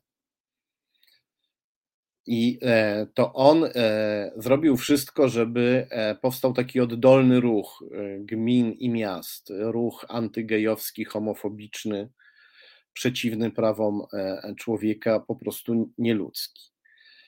I skąd taki pomysł, żeby zacząć coś takiego budować oddolnie? Bo kampania w skali krajowej przeciw LGBT wybuchła później. Najpierw e, sporo gmin musiało się ogłosić tymi strefami wolnymi od, e, od LGBT. Skąd taki pomysł, żeby taką kampanię zacząć e, oddolnie? Poproszę o kolejny skan, skan numer 7. To jest znowu fragment artykułu z Newsweeka i do tego zdjęcie posła Smolińskiego, kolejne, w którym czytamy, że dokładnie to samo 10 lat wcześniej, a nawet jeszcze wcześniej w Rosji zaczął robić putinowski deputowany Aleksander Czujew, który zaczął wzywać gminy i miasta Rosji, żeby ogłaszały się strefami wolnymi od propagandy homoseksualizmu. On mówił o propagandzie homoseksualizmu, a, a Smoliński mówił o promocji LGBT i to była jedyna różnica. I w Rosji, kiedy już e, liczne gminy ogłosiły się i miasta ogłosiły się takimi, i nawet obwody się ogłosiły strefami wolnymi od propagandy homoseksualizmu. Kiedy ukochane miasto Putina, Petersburg, ogłosiło się taką strefą, to wtedy dopiero wódz rozpętał kampanię przeciw LGBT e, na poziomie krajowym. Więc mamy do czynienia z kolejną, kolejną kalką.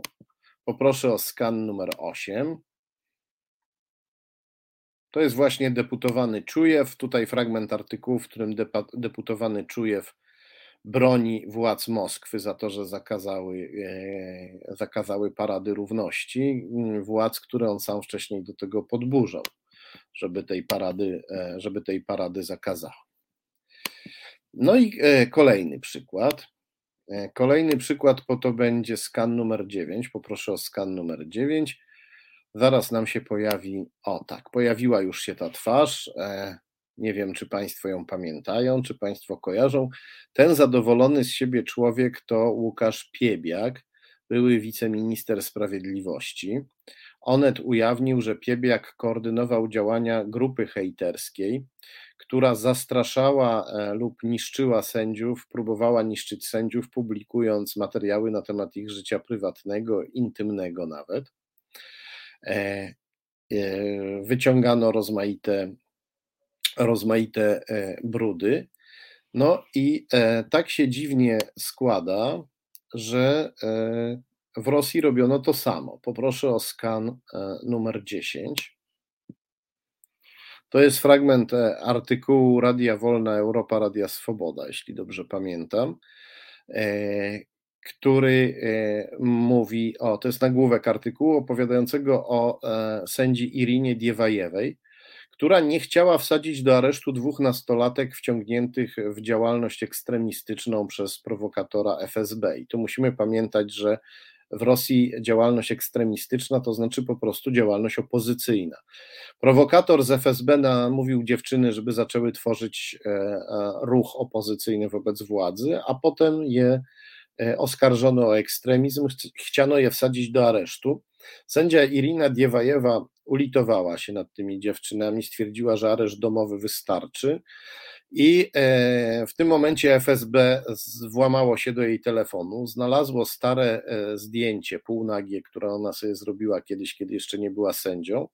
To zdjęcie dostarczono jej zwierzchnikom i oni ją wyrzucili z pracy, zmusili do odejścia, twierdząc, że to zdjęcie stanowi dowód ohydnej e, deprawacji.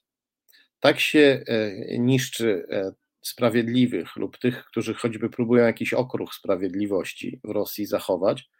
Tych, którzy nie do końca dali się zdeprawować, oskarża się o deprawację.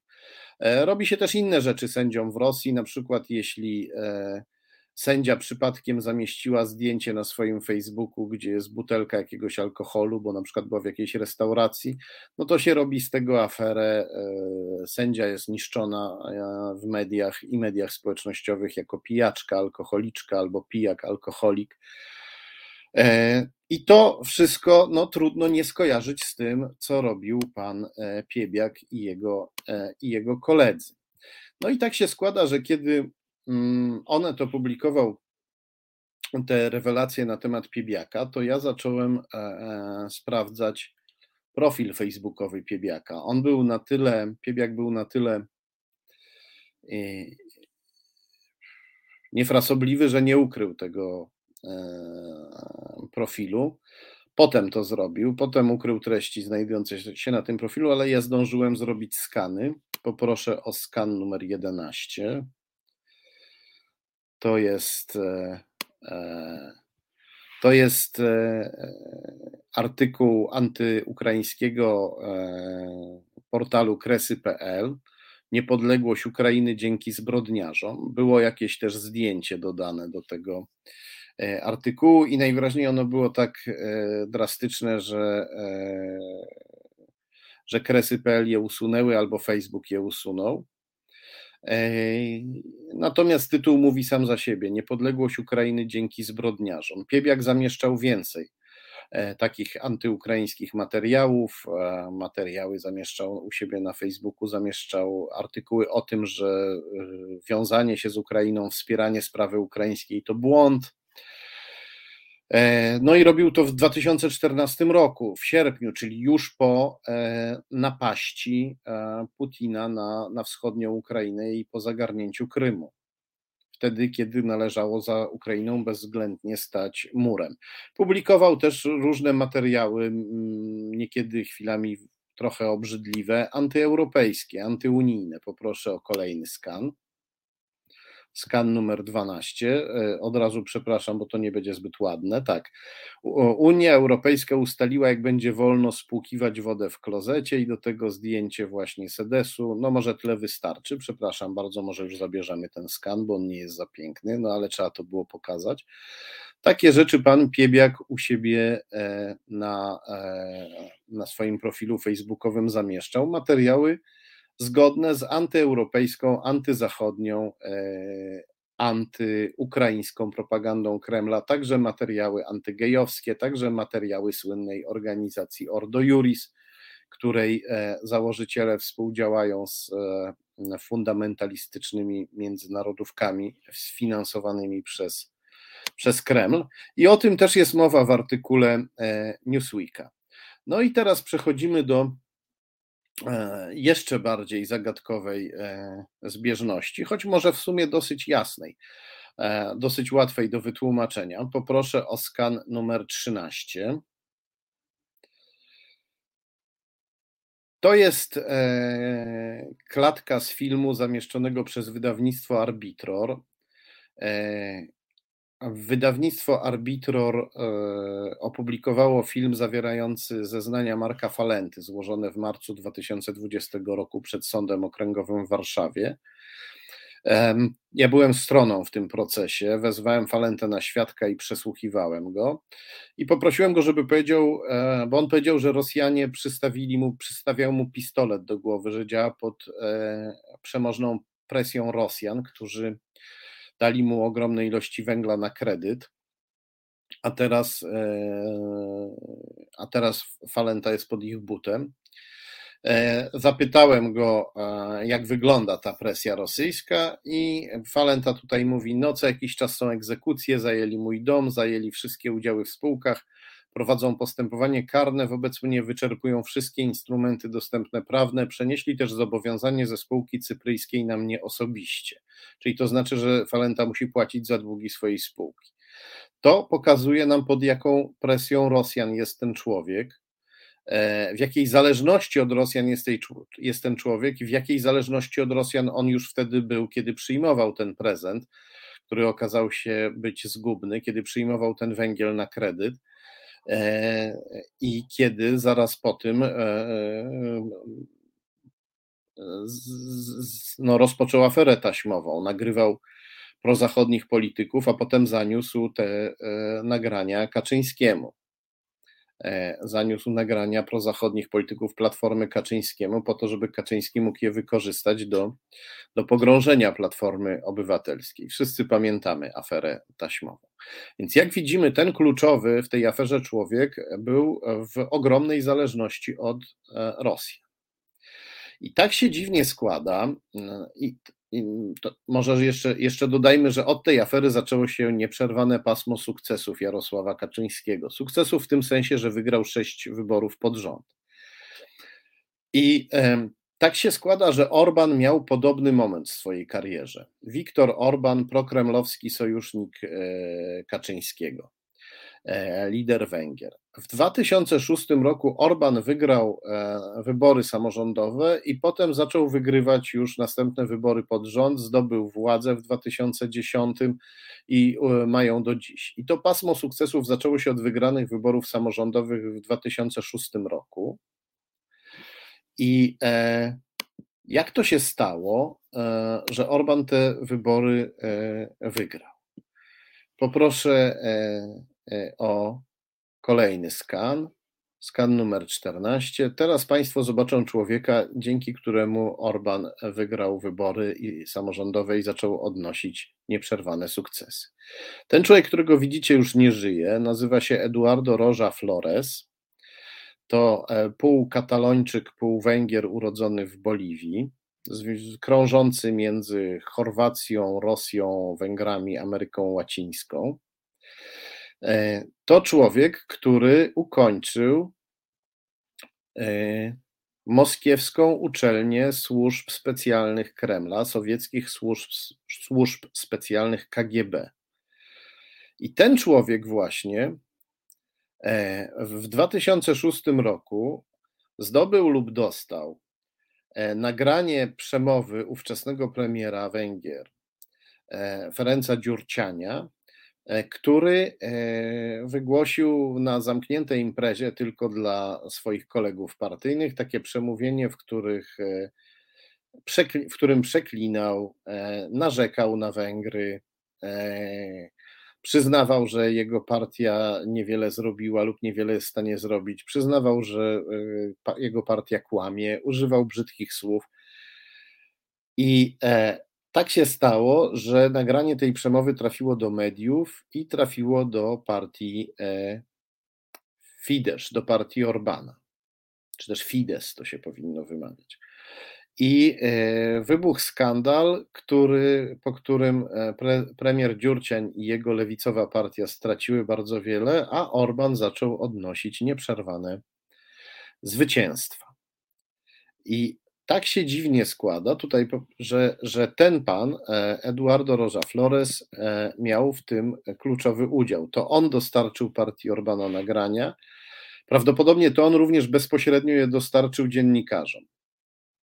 E, ale jeśli nawet nie, był to, nie zrobił tego bezpośrednio, to zrobił to pośrednio, bo jeśli nie od niego nagranie dotarło do dziennikarzy, no to dotarło od działaczy partii Orbana, którzy z kolei je dostali od pana Roza Floresa, więc je albo je dostarczył bezpośrednio, albo je dostarczył pośrednio, ale w każdym razie je dostarczył. Zdobył to nagranie e, e, premiera Dziurciania i zrobił wszystko, żeby trafiło do jego wrogów, do Orbana i żeby trafiło do mediów. E, poproszę tutaj o, e, o kolejny skan. To jest skan, to jest fragment artykułu E, portalu e, węgierskiego Hungarian Spectrum, gdzie jest właśnie e, mowa o tym, że to Roża Flores przekazał nagranie członkom partii Orbana. Poproszę o skan numer 16. To jest fragment e, Wikipedii, bo nie trzeba dużo szukać, żeby się dowiedzieć, że Eduardo Roja Flores ukończył e, uczelnię e, sowieckich służb specjalnych KGB. Jest to również w Wikipedii, jest to wiadomość powszechnie znana. I tutaj możemy właśnie na tym skanie to przeczytać. No, każdy, kto wejdzie do, do internetu, i poszuka w Wikipedii, też znajdzie te informacje. Ona też jest w innych, w innych źródłach. Bardzo ciekawe jest to, że niedługo po tym, jak to się stało, pan Roża Flores zginął w bardzo dziwnych okolicznościach. Zginął w Boliwii, zabity przez E, komandosów tamtejszego prezydenta Evo Moralesa. Rzekomo chciał Moralesa zabić i komandosi musieli zabić pana Roża Floresa, żeby nie zabił prezydenta Moralesa. Bardzo to jest dziwna historia. Został skutecznie uciszony, e, bardziej skutecznie niż Falenta, któremu więzienie e, zamknęło do pewnego stopnia usta, no ale któremu wyrywają się w sądzie jakieś takie powiedzmy strzępki szczerych zeznań. E, I również o tym jest e, mowa e, w artykule Newsweeka. O tym, że w obu przypadkach i Orbana, i Kaczyńskiego bezcenne dla nich nagranie trafiło do, do mediów i, i, i, i do nich samych, do Kaczyńskiego i do Orbana, dzięki człowiekowi związanemu z Moskwą. W jednym przypadku to był importer e, rosyjskiego węgla na smyczy długów, no a w drugim przypadku to był wychowanek, wychowanek KGB. I e, bardzo się cieszę, że duże medium, jakim jest Newsweek, wreszcie się wreszcie o takich sprawach pisze. To jest pierwsze duże medium, które pisze o zeznaniach Falenty z 2020 roku. Mimo, że minęły już dwa lata. Przez dwa lata nie udało mi się żadnego ważnego medium zainteresować tymi zeznaniami, a one są bardzo ważne. E, Falenta mówi tam też o, o tym. E, Falenta na przykład zapytany o to, czy e, co go łączy z Jarosławem Kaczyńskim, odpowiada, że nie może odpowiedzieć na to pytanie, bo gdyby odpowiedział, to groziłaby mu odpowiedzialność karna, hańba, względnie bardzo duża strata finansowa. To są niezwykłe zeznania. Można je znaleźć na YouTube, w serwisie YouTube, w kanale, e, na kanale wydawnictwa Arbitro. E, proszę Państwa, to tyle jeśli chodzi o ten artykuł i o te niezwykłe e, zbieżności. Za, e, za chwilę się znowu usłyszymy, żeby porozmawiać o Grzegorzu Braunie, a właściwie o jego niezwykłym pomocniku, który się ujawnił niedawno, w, ujawnił się właśnie w Zielonej Górze. O pomocniku Grzegorza Brauna, który mieszka w Niemczech, ale ma niezwykłe kontakty w Białorusi, jak również kontakty z pewnym niezwykłym człowiekiem z Włoch. O tym porozmawiamy za chwilę. Najpierw poproszę jednak naszą dzielną realizatorkę Asiator o króciutką w miarę e, możliwości przerwę muzyczną.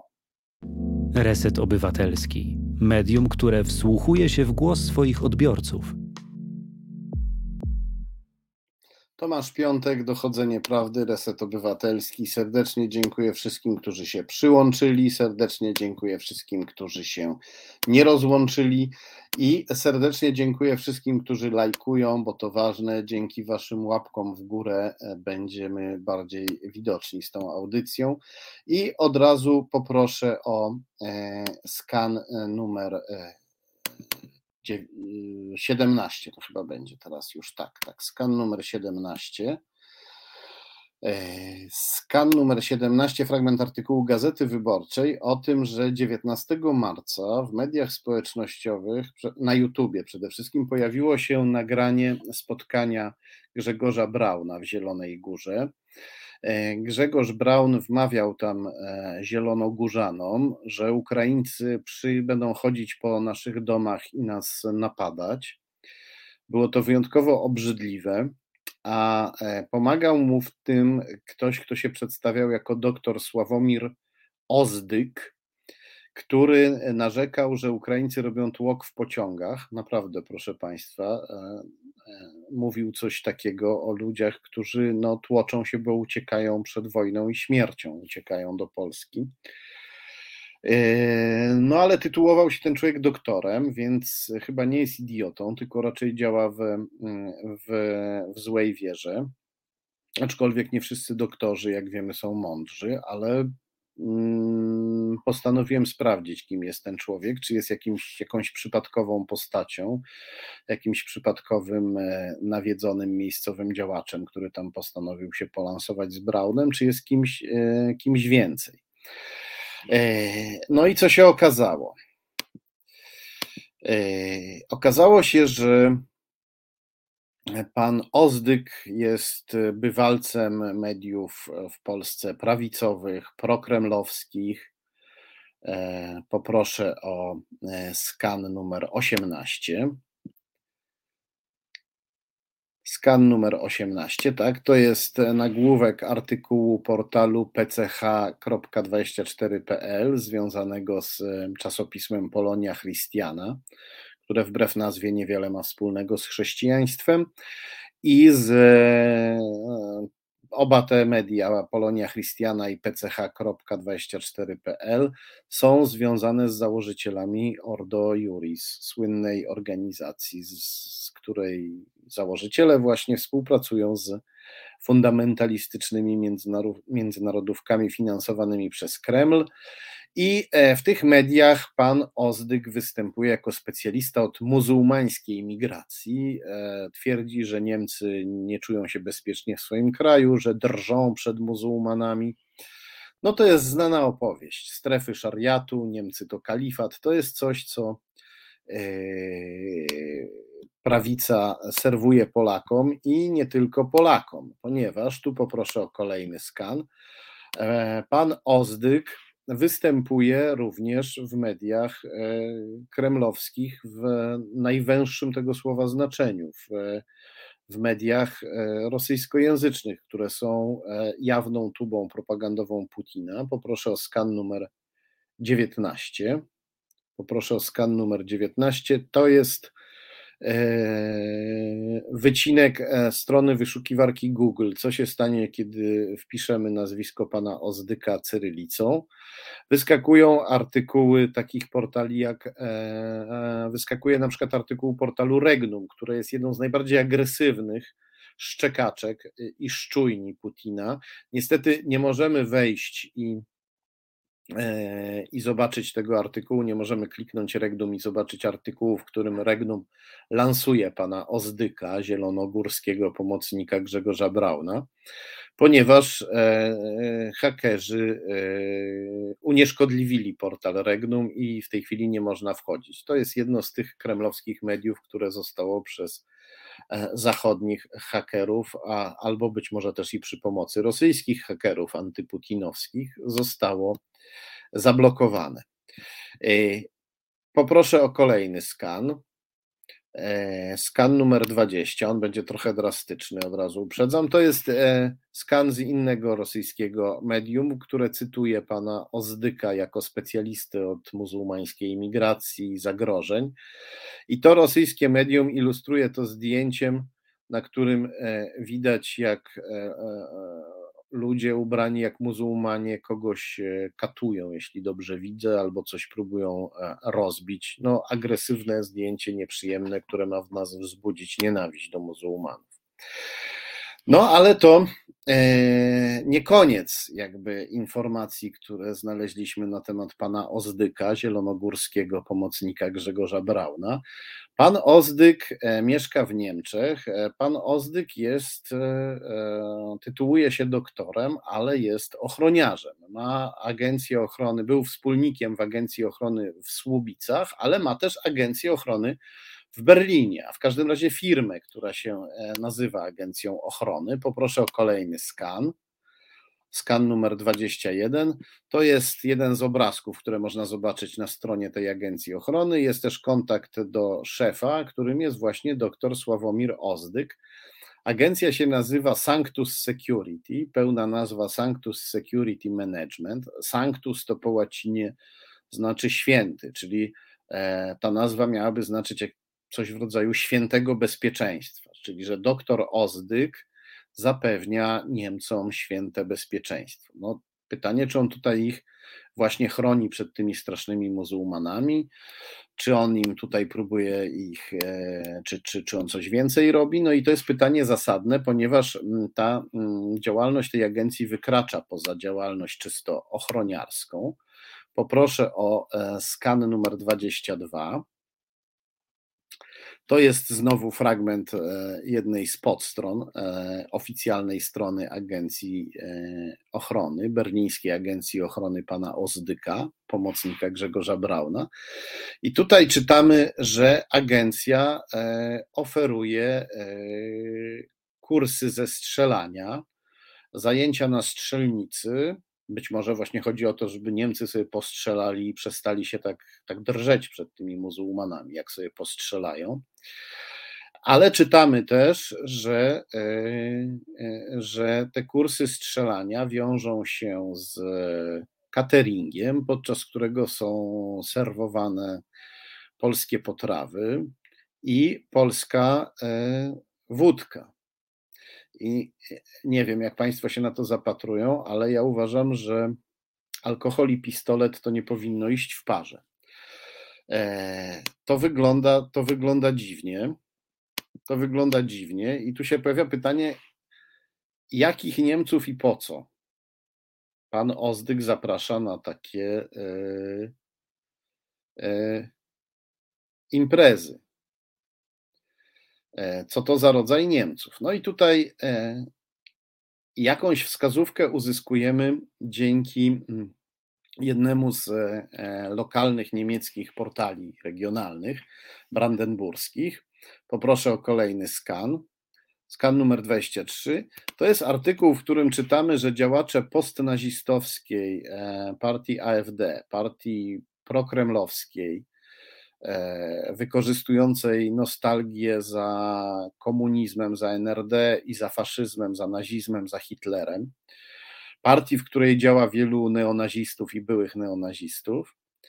E, czytamy w tym artykule, że działacze tej partii, postnazistowskiej partii AfD, szukają partnerów e, do współpracy regionalnej w Polsce i poseł do Landtagu, poseł do Regionalnego Parlamentu Brandenburgii, pan Wilko Müller, e, ogłosił, e, że jego takim partnerem do działalności w Polsce jest e, Sławomir Ozdyk, który działa w Słubicach i w Berlinie. Czyli ten sam Sławomir Ozdyk, o którym, o którym mówimy. Więc możemy sobie już wyobrazić, jacy to brunatni e, kamraci się tam e, raczą tym alkoholem i e, strzelają razem z panem Ozdykiem, choć być może nie tylko oni tutaj stanowią jego klientelę, być może klientela jest bardziej złożona, do czego za chwilę wrócimy. Ale naj, najistotniejsze jest to, co e, ze wszystkich informacji na temat pana Ozdyka jest ta, którą znajdujemy na portalu Krynica Info. To jest portal e, chrześcijański, e, który funkcjonuje, który, który publikuje w językach białoruskim, angielskim i rosyjskim. To jest portal chrześcijański, e, prodemokratyczny, e, krytyczny wobec, e, wobec reżimu Łukaszenki i Putina. A w każdym razie wiele takich artykułów na tym portalu się pojawia, więc wygląda na to, że to jest portal chrześcijański, który rozumie chrześcijaństwo po chrześcijańsku, a nie po putinowsku, czy, po, czy też po łukaszenkowsku, czy po reżimowemu. I e, poproszę tutaj o skan numer 24 z tego portalu, i tam jest informacja naprawdę szokująca. E, co tam e, czytamy? Jest też zdjęcie, można się przyjrzeć temu zdjęciu, bo na nim są bardzo ciekawe osoby. Czytamy tam, e, e, artykuł jest z 2016 roku, czytamy, że 5 kwietnia 2016 roku w siedzibie Liberalno-Demokratycznej Partii Białorusi odbyło się spotkanie pierwszego wiceprzewodniczącego e, LDP Olega Hajdukiewicza z Roberto Fiore, liderem włoskiej skrajnie prawicowej partii Forza Nuova. W spotkaniu uczestniczyli także Normunds Grostins, przewodniczący łotewskiej partii eurosceptycznej Action oraz polski analityk Sławomir Ozdyk. Pana Ozdyka już znamy. Łotysza możemy sobie na razie zostawić na boku. On też jest ciekawy, ale nie jest tu najważniejszy. Kim jest Oleg Hajdukiewicz i kim jest pan Roberto Fiore? Czym jest Liberalno-Demokratyczna Partia Białorusi? Od razu powiedzmy, że Liberalno-Demokratyczna Partia Białorusi nie ma nic wspólnego z liberalizmem i demokracją. To jest po prostu partia zwolenników e, reżimu, zwolenników dyktatora Aleksandra Łukaszenki. Się tak ładnie nazywa, ale e, demokratyczna nie jest. E, wiceprzewodniczący tej partii, Oleg Hajdukiewicz, no, to człowiek, który robi reżimową karierę i to wielką karierę. E, poproszę o skan numer 25. To jest fragment artykułu białoruskich mediów, gdzie czytamy, że w wyborach w 2020 roku pan Hajdukiewicz uczestniczył w debatach wyborczych w imieniu e, dyktatora Łukaszenki to on go tam e, e, reprezentował. I e, artykuł mówi, że, że Hajdukiewicz jest zaufaną osobą Łukaszenki. Ten sam Hajdukiewicz, z którym spotkał się w Mińsku Sławomir Ozdyk, zielonogórski pomocnik Grzegorza Brauna, berliński strzelec i barman Niemców. E, których zabiera na alkoholowo-strzeleckie wyjazdy. E, dodajmy jeszcze, że pan Hajdukiewicz też startował w tych wyborach z 2020 roku. Poproszę o e, kolejny skan. Skan tym razem artykułu polskiego z portalu na wschodzie EU. Czytamy tam, że pan Hajdukiewicz startował w tych wyborach, właściwie miał startować, ale kiedy już zaczynał startować, to nagle ogłosił, że e, popiera Aleksandra Łukaszenkę, że nie będzie startował, tylko będzie wspierał Łukaszenkę i przekazał Łukaszence 30 tysięcy głosów, 30 e, tysięcy podpisów, które zebrał od ludzi, podpisów e, z wyrazami poparcia dla swojej kandydatury. I być może to dlatego Łukaszenko tak mu później zaufał, że go posyłał jako swoje usta, jako swoją tubę do telewizji, żeby uczestniczył w debatach prezydenckich, reprezentując Łukaszenkę.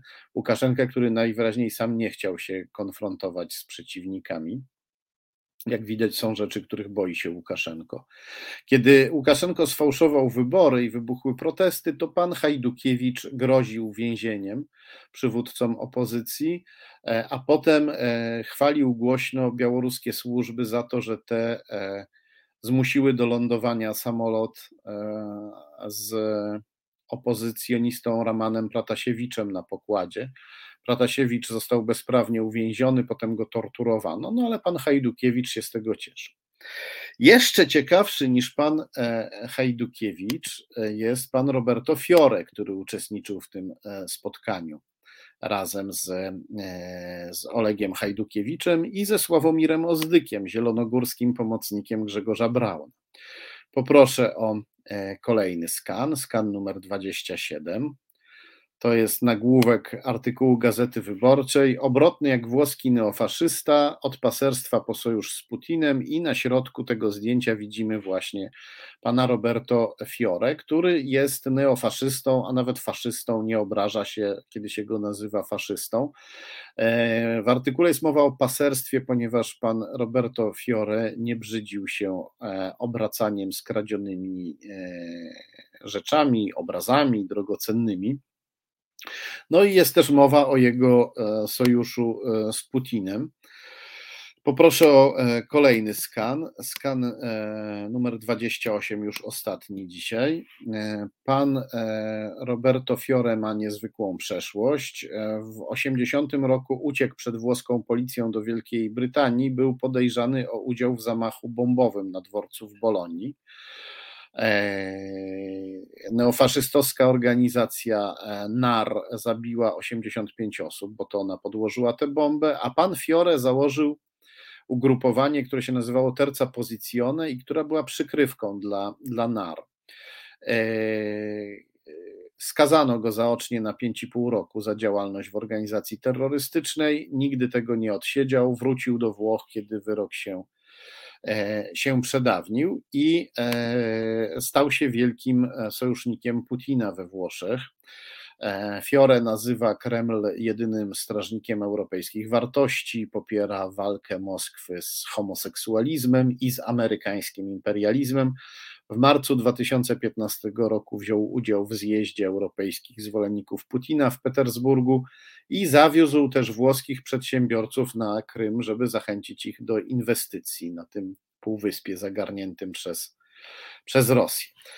E, jak widać, pan Ozdyk ma niezwykłych znajomych, prowadzi niezwykłą działalność gospodarczą e, w Berlinie. Mówiliśmy tutaj o tym, że być może on pomaga się radykalizować brunatnym kamratom z Niemiec. Może o to chodzić, żeby oni się radykalizowali, strzelając i pijąc alkohol pod czujnym okiem polskiego ochroniarza, który jest też doktorem nauk politycznych bo e, e, sprawdziłem na Uniwersytecie Szczecińskim, faktycznie pan, pan, e, pan Ozdyk uzyskał doktorat, ale nie, nie był to doktorat na temat muzułmańskich imigrantów w Niemczech, chociaż pan Ozdyk się przedstawia jako ekspert od muzułmańskiej imigracji w Niemczech.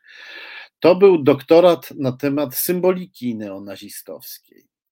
E, najwyraźniej e, pan doktor Ozdyk zgłębił ten temat bardzo dogłębnie, a jego zainteresowanie ma charakter nie tylko akademicki, ale najwyraźniej mamy też do czynienia z człowiekiem światowym i bardzo obrotnym, który opowiadając e, głupoty i, i, i obrzydliwe rzeczy o Ukraińcach, no nie robi tego z głupoty, tylko robi to na zimno robi to, robi to w celu, robi to w celu politycznym. I e, tu się rodzi też pytanie, czy e, osoba inteligentna i światowa o takich kontaktach nie wykorzystuje swojej działalności strzelniczo-alkoholowej do jeszcze innych celów. Być może e, taka działalność jest dobrym powodem, żeby, jest dobrym sposobem na to, żeby wciągać zamożnych Niemców w zabawę z dreszczykiem, zamożnych, może nawet też wpływowych, bo ludzie zamożni bywają wpływowi. A podczas takiej zabawy z alkoholem, pistoletami, e, można e, uzyskać materiały kompromitujące, które później e, da się wykorzystać do szantażu. E, wystarczy, że ktoś tam się bawi z pistoletem w ręku przy alkoholu, a z tyłu stanie jakiś brunatny kamrat, też zaproszony na imprezę i zacznie hajlować, i takie zdjęcie tej osoby e, z hajlowaniem w tle i z pistoletem w ręku e, w Niemczech może zrujnować komuś życie. E, dlatego panem Ozdykiem powinny się zainteresować służby, przede wszystkim polski kontrwywiad, gdyby nadal działał, no i powinny się nim zainteresować służby niemieckie. Związki Ozdyka z postnazistami z Zaodry wymagają wielostronnego prześwietlenia tak samo jak jego e, związki z e, jego, jego kontakty z Białorusią, z, z Grzegorzem Braunem, no i z panem Roberto, Roberto Fiore. E, w tej chwili na portalu Reset Obywatelski chyba już powinien się znaleźć artykuł na temat pana Ozdyka. Tak, już jest artykuł na temat pana Ozdyka. Gorąco go polecam. Bardzo zachęcam, żeby wejść na Reset Obywatelski, żeby e, udostępnić w mediach społecznościowych ten artykuł, a przede wszystkim, żeby go przeczytać. No i bardzo gorąco zachęcam, żeby wspierać Ukrainę i Ukraińców i wspierać Reset Obywatelski wpłatami na konto Fundacji Arbitror albo e, na portalu zrzutka.pl, gdzie trwa nasza zbiórka, albo w serwisie Patronite, bo innych sponsorów niż wy nie mamy. Bez was nie będziemy nadawać, a jeśli my nie będziemy nadawać, no to nie dowiecie się takich rzeczy, jak na przykład e, tego wszystkiego, co dzisiaj się dowiedzieliście o panu e, Ozdyku. Postać może drugoligowa, drugoplanowa, ale e, jak widać, E, dysponująca niezwykle interesującymi e, kontaktami, postać być może ważniejsza niż się, niż się zdaje. No nie każdy krąży między e, Berlinem, Grzegorzem Braunem, a Białorusią i neofaszystą, terrorystą Roberto Fiore. Bardzo Wam dziękuję, że jesteście, że wspieracie, że oglądacie, że lajkujecie. Bardzo dziękuję za łapki w górę. E, bardzo serdecznie Was pozdrawiam. Widzimy się i słyszymy znowu za tydzień, a za chwilę e, prawoteka. Specjalne pozdrowienia dla dzielnej realizatorki Asiator.